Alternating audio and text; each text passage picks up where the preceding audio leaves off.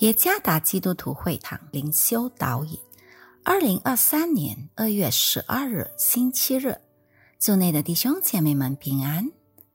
今天的灵修导引，我们将会借着圣经《约翰福音》十六章十六到二十五节来思想今天的主题：心灵的更新。作者李伟锦传道，《约翰福音》十六章第十六节。等不多时，你们就不得见我；再等不多时，你们还要见我。有几个门徒就彼此说：“他对我们说，等不多时，你们就不得见我；再等不多时，你们还要见我。”又说：“因我往父那里去。”这是什么意思呢？门徒彼此说。他说：“等不多时，到底是什么意思呢？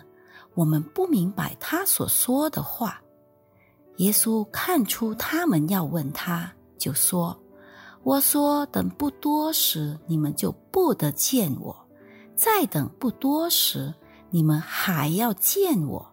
你们为这话彼此相问吗？我实实在在的告诉你们，你们将要痛哭。”哀嚎，世人倒要喜乐，你们将要忧愁；然而你们的忧愁要变为喜乐。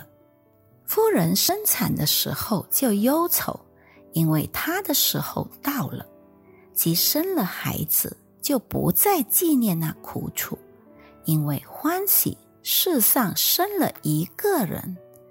你们现在也是忧愁。我要再见你们，你们的心就喜乐了。这喜乐也没有人能夺去。到那日，你们什么也就不问我了。我实实在在的告诉你们：你们若向父求什么，他必因我的名赐给你们。向来你们没有奉我的名求什么，如今你们求，就必得着。叫你们的喜乐可以满足。这些事，我是用比喻对你们说的。时候将到，我不再用比喻对你们说，乃要降父明明的告诉你们。分娩期间，一位母亲经历了剧烈的阵痛，小婴孩最终诞生了。母亲心里大大欢喜，当她看到出生的婴儿时，竟忘了生产时的痛苦。这就是耶稣告诉他门徒的话：等不多时，他们将会感到忧愁，因为耶稣将被钉在十字架上与他们分离。然而，那并没持续多久。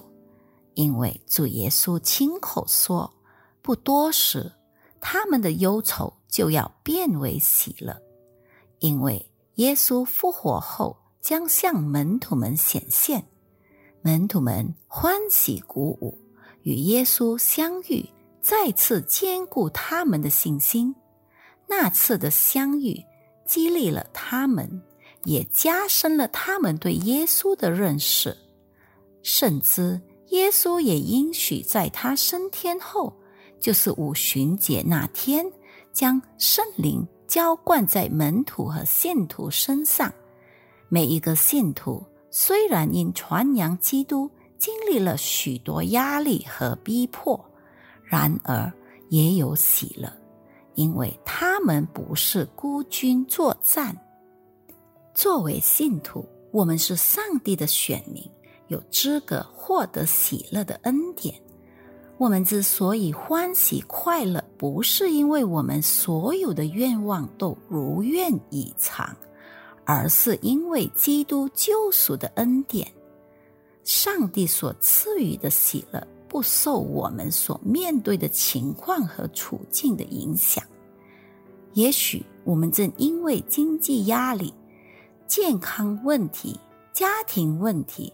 甚至因传讲基督所受到的恐吓而感到忧愁，但上帝所赐予的喜乐胜过我们所经历的忧愁。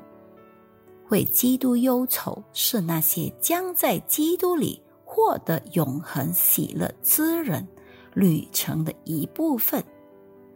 愿上帝赐福于大家。